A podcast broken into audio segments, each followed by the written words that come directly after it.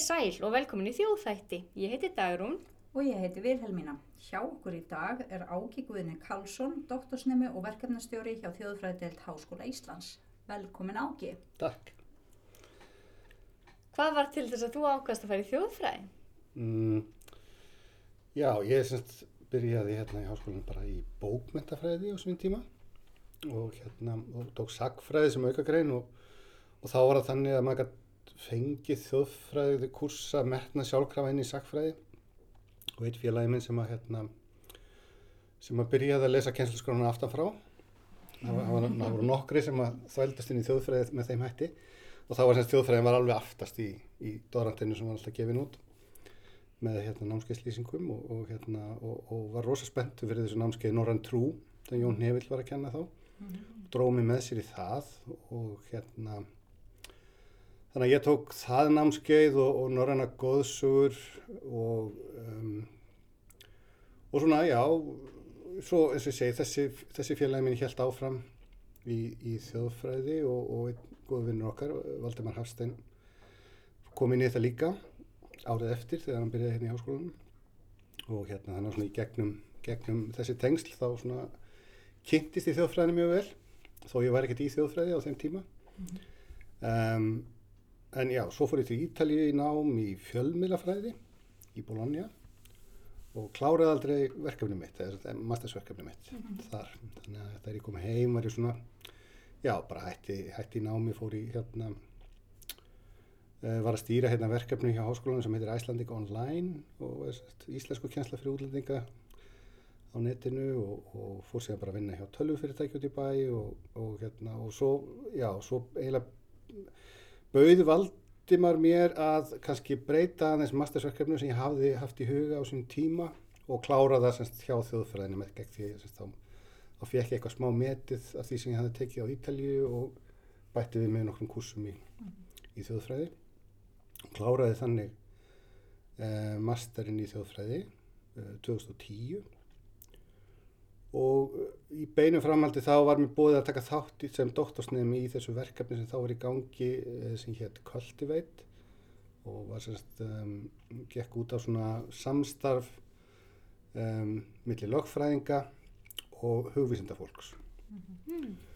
og við komum hann eins sem svona hugvísindafólk. Mm -hmm og hérna voru þá að skoða þetta sem að, sem að var sem hlut af náttúrulega dóttursverknum hans Valdimars sem var að skoða um, já, lögfræðina í kringum allþví menningu og, og svona þessi, þessi hugmyndum svona einhvers konar hugverkarétt eða, eða hérna, eignarhald á, á uh, þessu sem við rannsókum hérna í, í, í þjóðfræðinu mm og uh, já og hann hafði unni sína rannsókn hjá UNESCO í París og mín rannsók fór, fór semst í því að skoða þá alþjóðu hugverkastofnina í Genf. Mm. Og, og það er semst, já, þetta er efni doktorsverkefni sinns míns.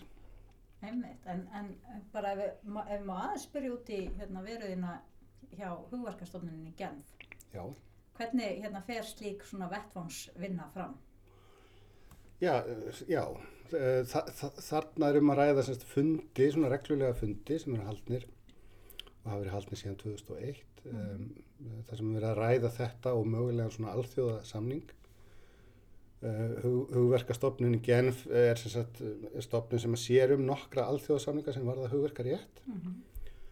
og, og þetta getur þá orðið nýr svoleið samningur mögulega ef hann verður einhver tíman að veruleika sem er óvist mm -hmm. en um, já, það, það sem að gerir er einfallega að maður sækir um að fá að taka þátt í þessum fundum sem svona observer mm -hmm og, og hérna og fær, uh, ég fekk aðstóð CF sem er Eurósku þjóðfræðisamtakana til að vera svona minn bakkjarl mm -hmm. og þau í rauninni þá fá um, leifi til að taka þátt sem samtök og ég sem fulltrúi þeirra mm og þá mæti ég og fæ og, og fæ hérna aðgang að fundinum og, og hérna með, með, með fullt málfrelsi og allt með þessi mm -hmm. og hérna sitt hérna á öftustu bekkjónum fyrir aftast fulltrúa þjóðana sem að sitja semst, í svona einhverju stárásröð í fundarherbygginu mm -hmm. Og, og get fylgst með öllu sem fer fram. Og síðan semst reyni ég að fiska viðtöl við aðra fulltrúa svona eftir hendinni sem svona, hefur gengið svona, gekk svona misvel. Mm -hmm. hérna, en, en jú, þetta var, var hans áhverð sko.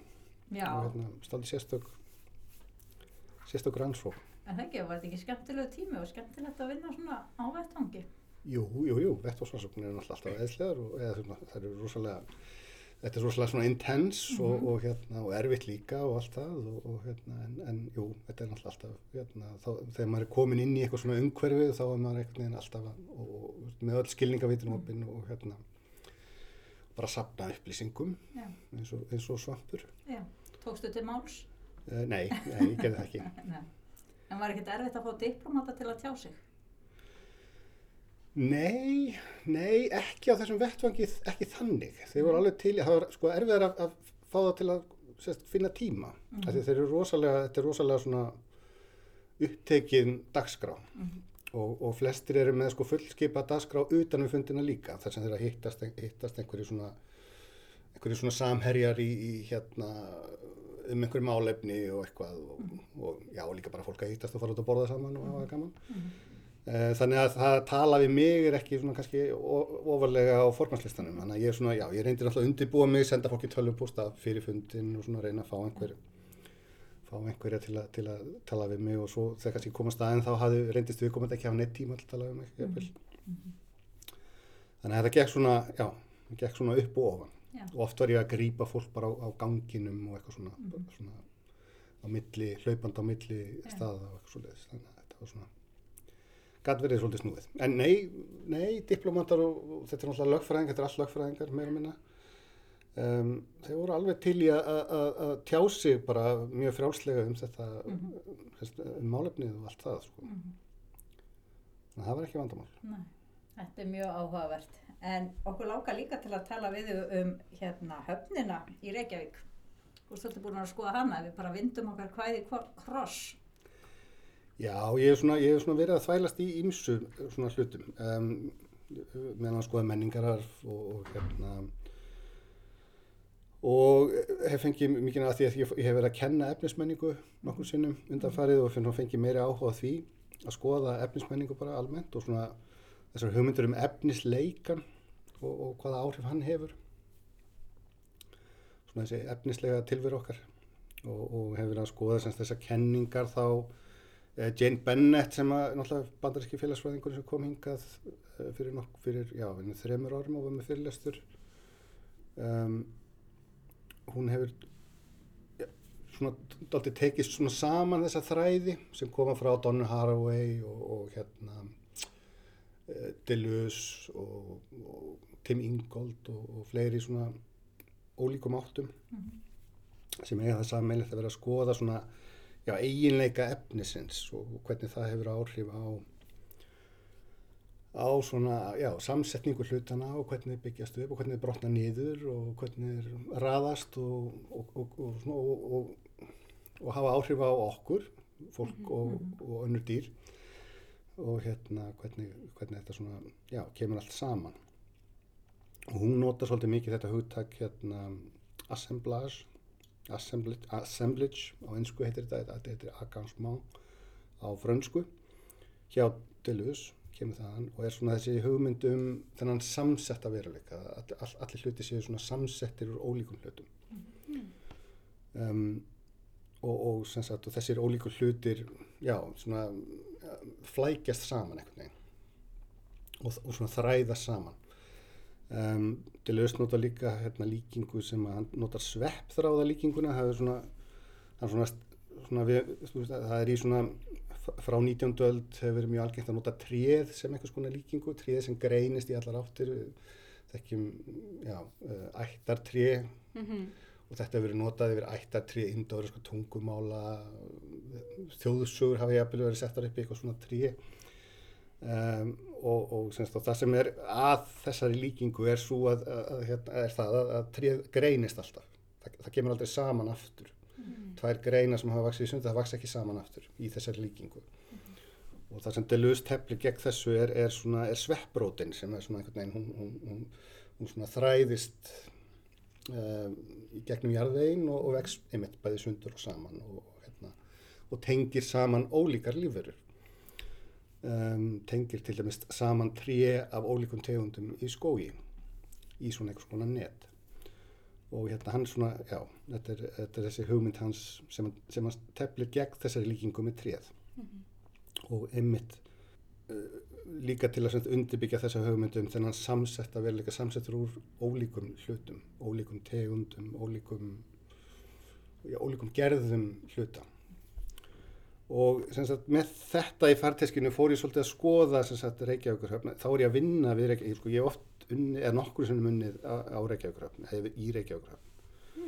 Ja, í gamla daga var ég til dæmis að ég var að mála skip einu sinni í hérna bara við Bryggju og hérna svo hef ég verið að- í siglingaklubnum og svo hef ég verið að vinna, ég hef unnið á túristabát og hérna þannig að þetta er svona, þannig að ég er svona bara í tengslum við þessar svona hugmyndir um efnisleikan og efnismenning og annað fer ég svona að skoða bara þennan veruleika í kringum mig, þennan, þennan, þennan, þennan kunnulega en samt svona ókunnulega veruleika sem er Reykjavík sem, sem er náttúrulega bara stór veruleiki, hún er alveg frá hérna hörpu og og út á Granda og, og, og allt þar á milli sem er, er, er svona gamla höfnin í Reykjavík eins og hún er kvölduð núna í dag og, og já og, og, svona, og var svona velta fyrir mér um, þá bara svona hvernig hún hefur breyst til dæmis og hvernig við sjáum svona ólíka ólíkar áallanir byrtast í því hvernig hún er við, við sjáum skildi, við sjáum einhverja bryggjupolla og við sjáum einhver dekk og við sjáum skip og báta og fólk og alls konar hlutir sem eru þarna gámar og, og hérna og það er alls konar litir, það er alls konar efni í, í möl og malbygg og, og timbur og tjara og allt mögulegt og plast uh, sem kemur þarna saman í, í þessum veruleika og, svona, og, svona, og raðast upp á svona alls ekki tilviljuna kentan hátt heldur mm -hmm. svona, en oft svona kannski sér maður ummerkjum eitthvað svona kannski einhverja gamlar hugmyndir sem er einhvern veginn þannig ennþá að þvælast í einhver svona efnisleiri mynd um, af því að nýju hugmyndirnir er ekki bara búin að reyðja öllu frá sko. þannig að hérna já, það er svona, það er svona alls konar áallanir sem koma saman og, og sem er alltaf að breytast af því að hérna höfnin er alltaf að breytast. Og við erum að höfum verið að sjá bara þetta gerast fyrir saman augun á okkur. Til dæmis hvernig ferðarþjónustu fyrirtækin hafa verið að taka meira pláss hvernig hluti af slippsvæðinu þarna þessu stóra yðnaðsvæði sem er innst í höfninni, hvernig það hefur verið að víkja um, hvernig grandin hefur breyst. Um, og, og já, við sjáum þetta bara í efninu og einhvern veginn hvernig hún er samsett þessi höfn. Og, og það er já, mjög áhugavert að velta fyrir sér einmitt hvernig, svona, hvernig þessa, maður sér þessar breytingar í bara svona efnislegu efnislegu formi hafnarinnar einhvern veginn. Já, en maður getur svolítið svona byrtast svona þær breytingar sem er að verða í samfélaginu þarna á þessum stað. Já, já, sér.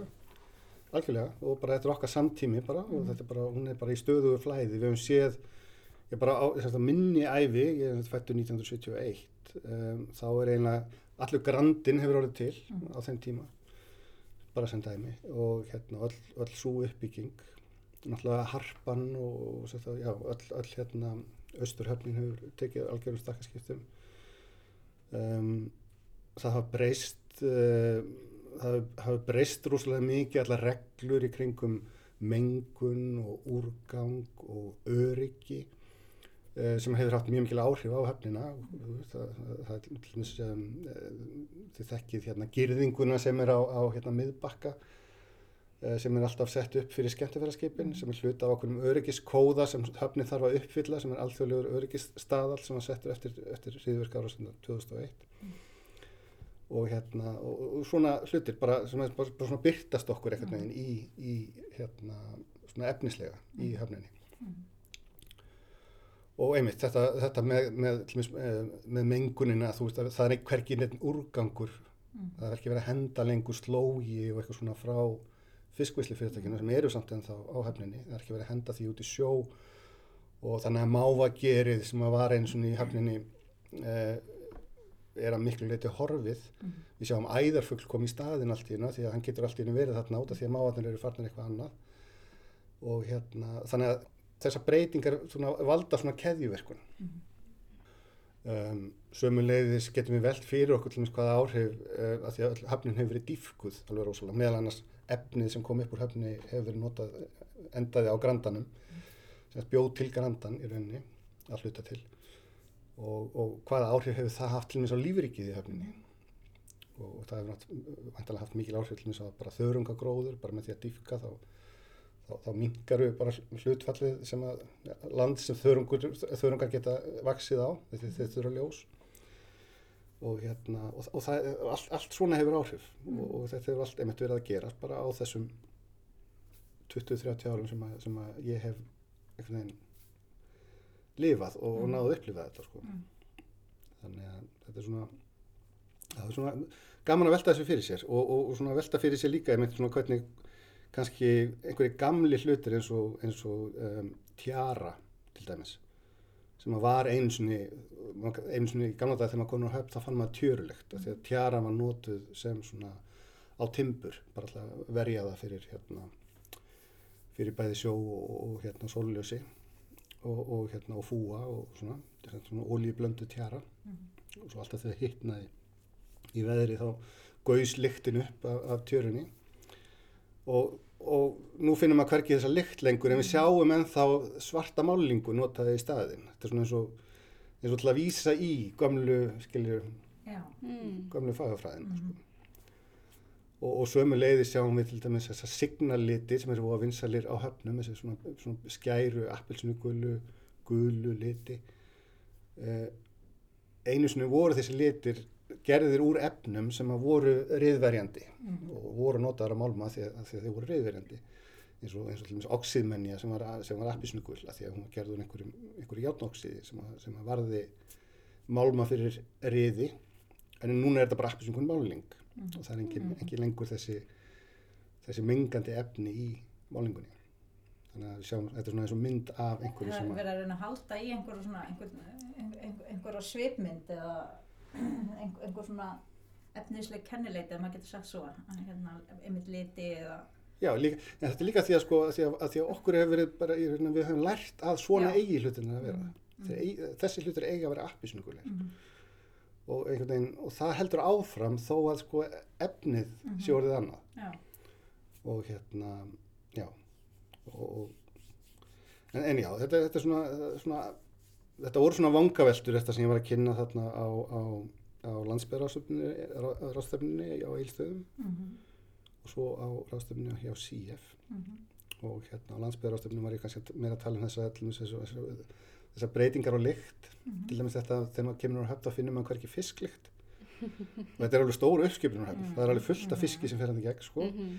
en það er bara svo vel frá hann gengið og það er vel hugsað um allt að það, þú, það, það er hverki þessi fisklykt og svo náttúrulega uh, gamla fiskimjömsvesmiðan það er búið að breyta henni í, í listasafn þetta er bara svona sem hluta af þessum breytingum Mm. og, og þannig að fisklyktin er hverki til staðar lengur nema að það er hérna listaverk eftir Guðrun Nordal hérna þúfan sem Mm. stendur hérna á endanum á á, á í Norðugarði minni mig Mm. og það er upp á svona hjallur og það er hanga svona þrýr fiskhausar inn í hjallinum í svona, svona litlum svona, og dóta hjalli Mm. og þannig að ef maður lappar upp á þúfuna þá getur maður fundið fisklykt af þessum fiskhausum en í sem hluta af einhverju listaverki. Mhm. skiljið, þannig að Mhm. hérna, þetta er svona svona mynd af einhverju lykt sem er ekki lengur til staðar í, í höfninni sjálfri. En já, á CF þá vorum við svona meira að tala um að þá vorum við inn í svona, þá var ég inn í panel sem var að ræða um uh, svona post-industrial um, svæði og svona svæði sem hafa verið mikil yðnaðasvæði og hvernig það hafa breyst í eitthvað annað.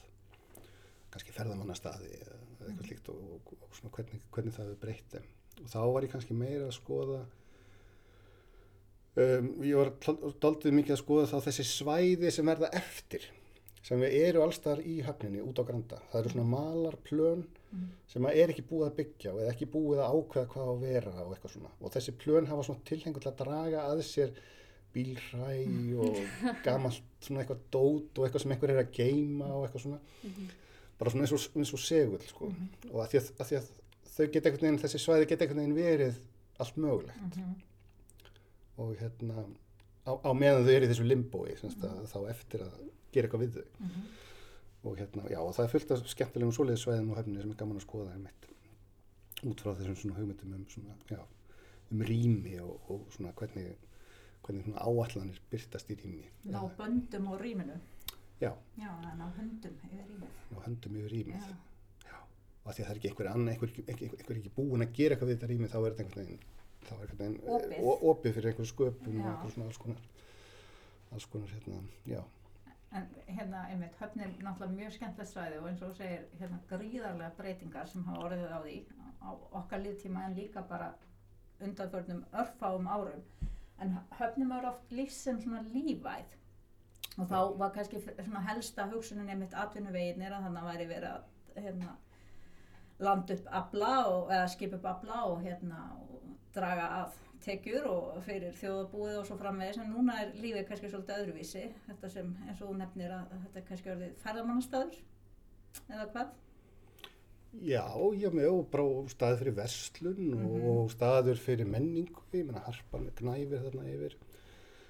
Um, þannig að þetta er, það er alls konar, jú, þetta er svona, þetta er mitt breytist, það er svona, Einn af þessum sveppaþráðum Já, já, einmitt. og maður sér allt í hérna að, að sko allur þessi þungi yðnaður, þessi kannski, þessi hættulegu svæði kringum slipin og, og, og svona, og kallarnir í hérna samfestingunum sem að görguðu á mann þegar maður var að þvælast þarna sem krakki.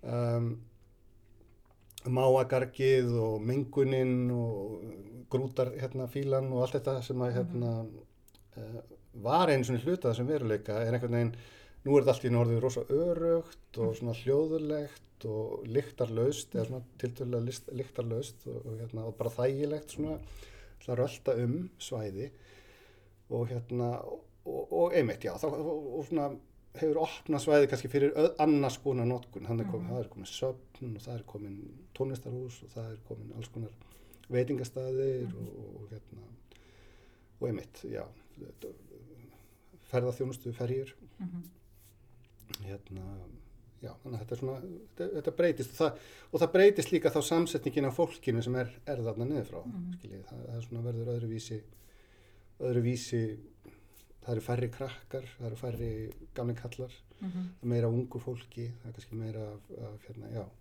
bara öð- öðruvísi einhvern veginn, öðruvísi hérna, þetta verður öðruvísi breyti, hún, hún hefur náttúrulega alltaf verið að breytast, ég menn hún breytist líka mjög mikið til dæmis bara þegar Sundahöfn var Mhm. til og allir flutningarnir fluttust þangað Mhm. og, og hérna gámarnir og, og all uppskipunin og allt sem henni fylgdi eh, sem hafi verið mjög stór hlut af höfninni þar fram að því allt í einu var það komið eitthvað annað Mhm. þannig að þetta er bara svona hluti af því sem hefur verið að gerast alltaf Mhm. með höfnina Mhm. Það eru svona þessi efnislegu eiginleikar sem þú ert að fókusa á. Já, breyting á efninu. En það er svo áhugavert líka mitt að fara og skoða það því yfirleitt þá veltum við þessu ekkert sérstaklega fyrir okkur þegar við röltum um í, hérna hversteginum, hvað hefur mikið breyst og hvað þessi hlutir þýða allir svona. Já, þetta er svona að opna, þetta er svona þetta sem, við, sem við kennum í efnismenningunni, þetta með að hverstasleikir sé svona eins og svartu kassi sem það er að opna og, og kíkja inn, af því að við sjáum hann ekki hverstaslega, við svona bara syndum í gegnum hann í rauninni, við erum hluta af honum, mm -hmm. uh, hann er okkur svo nákominn að við sjáum hann ekki um, og, og hérna, þannig að það er svona, já, það er ákveðin, ákveðin hérna, uh, að opna augun fyrir því sem er allt í kringum hann, er, er mjög mikilvægt þegar maður er að skoða efnismenningu. Eina aðferð sem ég notaði var til dæmis að lappa berfættur á höfninni. Það er ákveð. það er mjög sniðuð aðferð, rannsóknar aðferð, af því þá ég virkilega finnum maður fyrir yfirborðinu og Mhm. ólíku yfirborði, af því það er alls konar mismöndi yfirborð. Það er alveg fínt að lappa skilji í kringum hörpuna og, og hérna berfættur og svo leiður maður komin aðeins lengra þá verður þetta grófar á og, og, og, grófar eftir því sem maður lappar innar í svo frá Mhm. þannig að þetta er svona þetta er ákveðin aðferð til þess að hérna, upplifa einhvern veruleika er að fara úr skónum og hérna, upplifa hann Mhm. með fótunum og nota nefið og, og, og hérna, já, Þannig að einmitt prófa umhverfið á ski, skinnfærunum öllum saman, já, ekki bara augunum. já. Mm það er mjög mikilvægt Já. hérna, Akkurat. Hvað stóð svona upp úr fyrir þig hérna varandi þessa rannsókn? Það finnst þér svona er eitthvað sem langar að halda áfram með þessu eða? já, sko já já, já mér, já, mér langar alveg að halda áfram með þetta sko, þetta er svona þetta, þetta opnar eða hefur opnað fyrir mér allavega alls konar svona nýjan skilning á um, efnisheiminum bara þetta að- að fókus er á þetta efnislega Mhm. og að setja kannski hið menningarlega eða svona þessa mannlegu túlkun á veruleikunum aðeins til hliðar Mhm. ekki, að hún sé ekki til heldur er bara svona setjandi hliðar við aðra hluti sem að hérna, skipta líka máli um, eins og til dæmis aðra lífverur Mhm. og hvernig þær sjá hluti gerast og breytast og og hvað, hvaða áhrif þær hafa á umhverfið Mhm. um, og hvaða áhrif bara, já, hvaða allmis áhrif um, efnislega hlutir hafa á umhverfið Mhm. ég meina, ef, já, ef bíl klessir á girðingu til dæmis, hvað, hvað gerist Mhm. og, og, og, og hvað verður á Hólmavík þar sem ég var að vinna síðasta vetur. Hérna, það er til dæmis hérna, rétt hjá það sem ég var að vinna það er, það er svona bárjásklætt hús, fallega bárjásklætt hús sem til dæmis nýbúið að klæða og það er svona byggla í bárjáðan einum stað. Og, að, og þessi byggla er alltaf kölluð hérna uh, oddvita byggla, nei, sveitastöru bygglan að því að sveitastöru Hólmavíkur olli þessari bygglu með því að klessa á vegginu á einhverjum tímanpunkti og bygglan er þarna eftir eftir þennan atbyrð og allir þekkja söguna á bakvið þessa bygglu sem er þarna í vegnum og hérna, þetta, er, þetta er svona dæmi um það hvernig bara tveir hlutir sem reyka saman valda einhverju breytingum á umhverfinu, efnislega umhverfinu sem er svona þú veist, jú, þarna er náttúrulega einhver saga á bakvið og, og ég veit ekki hvað hvað en, en, en oft er þetta hluti sem gerast án þess að sé nokkuð saga endilega á bakvið en við sjáum bara ummerkin. Mhm. sjáum að þarna hefur gerst eitthvað. Um, þannig að við sjáum já, við sjáum ummerki um alls konar hluti sem við kannski vitum ekkit almennilega hvernig hafa gerst eða, eða af hverju hafa gerst. Það er ekki endilega einhver ástæða eða einhver áallun eða eitthvað sliðis, það er bara svona við sjáum bara þeir hafa gerst. Mm. Og hérna bara eins og, eins og þegar spýta fúnar við sjáum, Mhm. sjáum bryggju hérna stólpanir og höfn, við sjáum hvernig þeir hafa fúnað og hvernig uh, hrúðukallar og þang svona leggja undir sig uh, spýturnar og, og hérna og, og, já, við kannski áttum okkur end, ekkert endilega á samhenginu en við bara sjáum afleðingarna þarna, þarna er ákveðið svona ákveðin hérna þannig verður, verður eitthvað til Mhm. Bara í einhverju, einhverju samspili lífvera og hafsins timbursins örverana í timbrinu og svo framvegis svona, hérna, þannig að þetta, þetta kemur allt saman í, hérna, og, og verður eitthvað svona sýnilegt sýnileg ummerki Mhm. sem við sjáum og já það er, það er áhugavert að velta þessu fyrir sér líka sko. Já, en einmitt, taland um þetta, samband mannfólks og örvera. þá er það nýtt verkefni sem þú ert verkefnastjóri í. Getur þú sagt okkur frá þessu verkefni? Já, það er sérst vinnan mín núna og, vinnan mín næstu, næstu tvö árin, Mm -hmm. vendanlega, er að hérna, stýra þessu verkefni.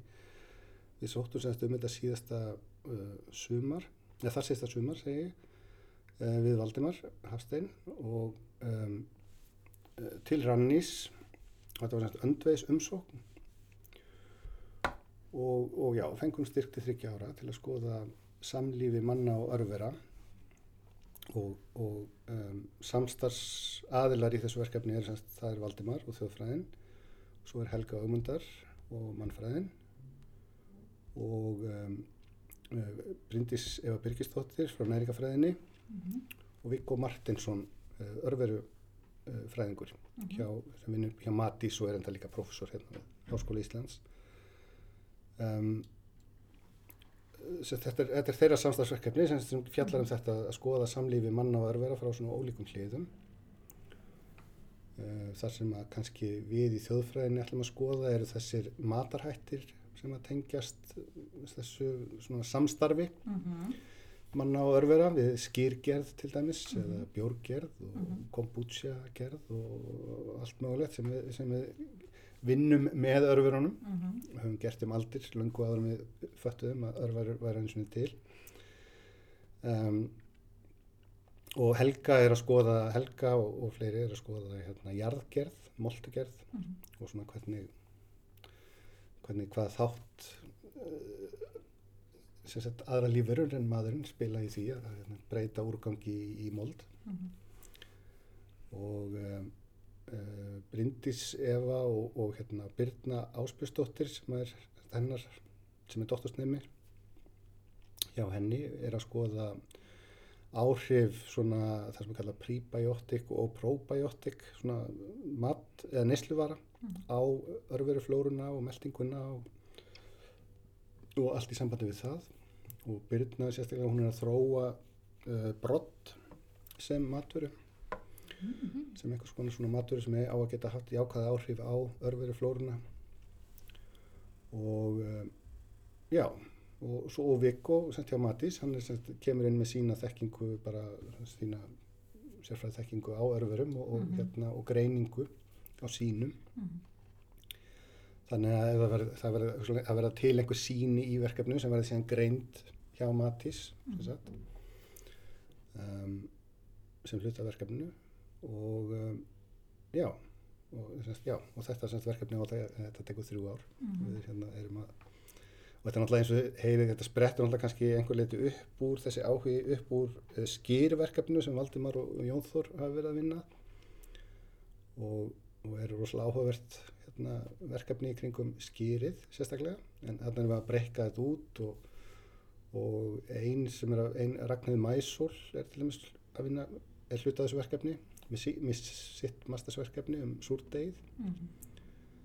og hérna, já, þannig að eitt, eitt svona, eitt, eitt svona, hvað, hvað maður segja, hvatin að þessu verkefni er þetta, þessi, þessar óbúslegu vinsældir, hérna, súrdegs í, í COVID, hérna, um, í þessum, á þessum COVID-tímum Mhm. sem við höfum verið að upplifa. Og svolítið áhugavert einmitt þegar, þegar veiran er að ógn okkur og, og breyta Mhm. líf okkar að þá, þá sökkur fólk sér ofan í örveru svona einhverjar súpu í eldursunu heima hjá sér. Mhm. svona einhver, liti til að takast á við þetta. Þannig að já, þannig að þetta er svona já, þetta hefur, ímsar hliðar og er náttúrulega eins og svona önd, öndveisverkefni eru þetta er svona breytt verkefni sem er ólíkir rasakandur koma að. Já, svona þverfaglegt og hérna og manni finnst kannski fyrst þegar maður heyrir af þessu samband manna og örvera og, og hvað alltaf þjóðfræði og mannfræði að segja um það að hérna, manni finnst þetta svolítið langsótt en, en, eins og útskýrir þetta þetta varðar bara okkar hérna matarhætti til dæmis þar sem við treystum á, á þessar eh, örveru til dæmis í bara súrdegsgerð og, og viskirgerð. Já, já, mm algjörlega. Þó við höfum kannski alls konar hugmyndi síðan um Já. hvað er að gerast. Einmitt. og með jargerina, ég meina örverur eru alveg, alveg, líkil, líkil þáttur í, í allri jarrækt og, hérna, og þess að breyta úrgangi í, í, hérna, í næringu um, þannig að þetta er, já, þetta er, þetta, jú, jú, þetta, ég meina og, og þetta, þetta hvað maður að segja uh, það hefur verið rosalega mikill vaksandi áhuga á örverum uh, frá svona síðustu aldamótum. Það var semst fram að aldamótum það var svona rosalegt kapplagt á að kortleggja genamengi mannsins. Mm. Það var svona mörg, nokkuð verkefni sem gengur út af þetta, að kortleggja allt genamengi mannsins. Og, um, og, þá, og áratvínu þar á undan hafi verið, sérst, var búið það, fólk var að þróa alls konar aðferði til þess að auðvelda þetta, að greina einhver genamengi. Um, hefðbundna aðferðin með að rannsaka örverur er að taka svona einhver síni og setja svo einhver svona næringargel og rækta þetta upp og svo er þetta skoðað í smásjá og, og þannig reynir fólk að greina tegundirnar. En með þessu nýju erðarannsóknum þá er allt í náttúrulega hægt að greina einhver svona síni í umhverfinu og eitthvað svona. Það hefur eiginlega breytt algjörlega sín okkar á örverur. Við erum alltaf að átt okkur á því að þær eru miklu, miklu fleiri og fjölbreyttari allt í kringum okkur heldur en við kannski áttuðum okkur á eða höfðum, höfðum svona tækifæri til að greina áður. Mm. Nú getum við allt í hennu séð bara út frá erðahefninu að þarna er bara einhverja alls, þarna er bara, já, allskeins örveru sem, að, sem að við hefðum aldrei greint með þessum hefðbundu aðferðum. Mhm. Og, hérna, og þetta hefur orð- orðið til þess að það hefur orðið svona óbúslega mikill áhugi á örverum uh, ekki bara innan raunvísinda, heldur líka innan hugvísinda, innan félagsfræði, innan landfræði, innan uh, mannfræði og, og hérna og já, það er- bústæðlega allir verið á kafi, eða við við veist mikil, mikil áhugi á þessu Mhm. uh, undanferðin ár Mhm. og, og við erum, já, við erum með um, svona auka samstagsæðali í verkefninu, við erum með svona það sem við kallum International Advisory Board, Mhm. alþjóðlegt ráðgjafa teimi það sem eru meðal annars um, já, einn læknir, einn landfræðingur uh, þjóðfræðingar Bernard Schofen og Håkan Jönsson til dæmis sem hafa báðir komið hingað uh, og Regina Bendix Gísli Pálsson, mannfræðingur er, er hluta þessu teimi þannig að þetta er svona, það er svona þerfalegt teimi, fólk sem allt hefur verið að fjalla um tengdar hluti sko, eða beinlinis um örverur Mhm. um, og, og hérna, já, þannig að það er mjög mikill áhugi á þessu og ég myndi að skoða hvað maður segja um, og kannski líka bara okkar stöðu í lífheiminu, það er náttúrulega þessi þörf fyrir að því að, að, því að við lifum á þessari mannöld þar sem við erum veginn með okkar fingraför eru allstaðar á umhverfinu sama hvert uh, við lítum sko. Og, og það er svona þessi þörf fyrir að skilja kannski mannin á nýjan hátt í þessu umhverfi og okkar hlutverk í umhverfinu og, og stöðu annara lífvera gagvart okkur og svo framvegis. Og, og þetta er þessi posthumaníska nálgun sem hefur verið, sem hefur verið svona, já um, fólk hefur vonandi orðið vart við. Mhm. um, sem hefur verið í þjóðfræði líka og, og, og, og örverðin að gefa okkur svona já, eina leið til að, til að, svona, til að nálgast þetta og nálgast okkur sjálf og hvernig við erum einhvern veginn eins og við erum umvafin einhverju svona örveru heimi. Og hérna til dæmis þetta hérna bara innan við helmingurinn af frumunum í okkar líkama eru mennskar frumur. Ég meina, yfir helmingurinn af frumunum í okkar líkama eru frumur annara lífvera Mm. mest örvera en líka bara skortýra og alls konar dýra sem eru lifa í okkur og á okkur og í, í augunum á okkur og í meltingaveginum og nefinu og munnunum og alls þaðar og þetta er, já og, og, og þannig, að, þannig að svona sem breytir okkur breytir vorandi sín okkar aðeins á okkur og okkar hlutverk í umhverfinu. Um, þannig að hérna Já, þannig að það er svona hluta þessu sem hefur gert þetta líka svona ítt undir þetta. Það er þessar, þessar, þessum posthúmaníska nálgun. Þessi, já, alls konar skrítnar hugmyndir sem komur raunvísindunum til dæmis með, með, blöndun erðaefnis milli lífvera uh, og annað sem að hérna eru svona, uh, einmitt, k- kalla fram um þessa hugmynd sem ég var að minnast á frá Deleuze með þessar svona hybrid eða samsetta, þannig að samsetta veruleika. Mm Þetta sé að við erum öll samsett úr ólíkum hlutum og við erum samsett úr ólíkum lífurum líka. Það er, það er bara, já, það er bara þannig. Já, þetta er mjög, mjög áhugavert og verður áhugavert að fylgjast með þessu verkefni og, og fá að heyrum niðurstöður svo hérna, að það er, það er fara að byrtast. Já, algjörlega, þetta er alltaf þryggjaðara verkefni. Hvað er svona á döfinni, á? Já, sérst, núna, eh, þetta byrjaði eiginlega formulega svona í april Mm. mm. á þessu ári og svo, og við áallum okkur svona undirbúningstíma fram að þessum áramótum, bara ætla að klára svona, já, sé allt teimið komið saman, allir sem ætla að taka þátt í þessu.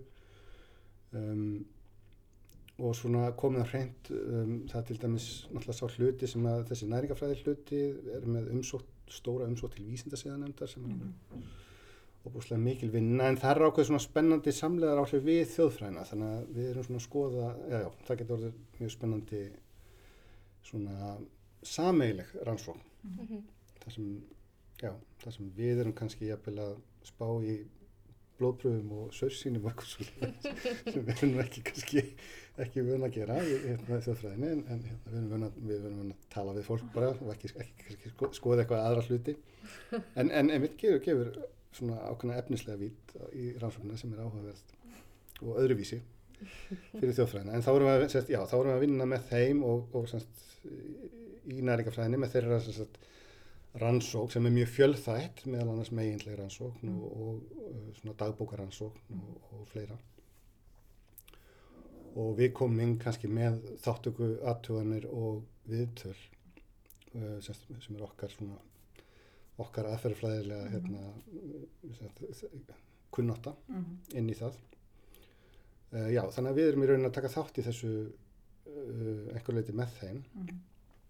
semst, með okkar hluta og, uh, og það er semst, og, semst, já, og þá á næsta ári er þið semst, næsta ári er þið semst aðal rannsóknar árið þar sem Mm. eru og við gerum ráð fyrir til dæmis að vera með svona tilrauneldús þar sem að þáttakendur í rannsakninu koma saman og gera eitthvað í svona eldúsi Mhm.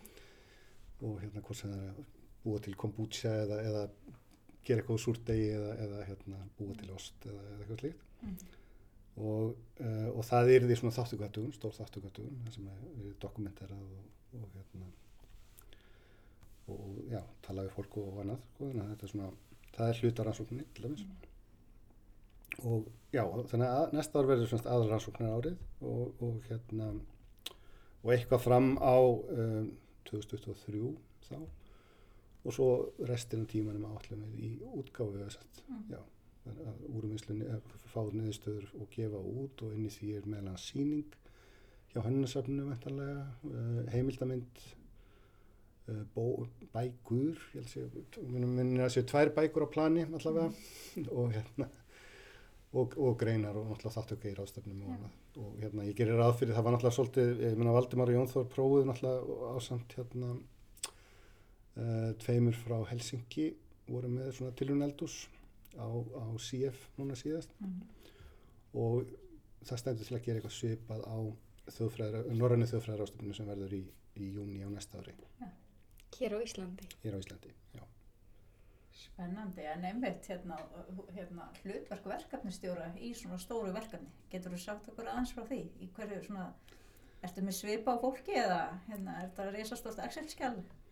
Nei, sko, nei, ekki beint. Ég er það sem kallað er akademísku verkefnastjóri. Ok, Við búum svo vel hérna í háskólanum að vera með rannsóknarþjónustu Já. sem hjálpar okkur til dæmis með budget og annað og, og fylgjast með uh, því öllu saman. Þannig að við getum leitað til einhverja með þá þætti, þessum svona, þessu já, fjármála þátt Mhm. uh, verkefnisins.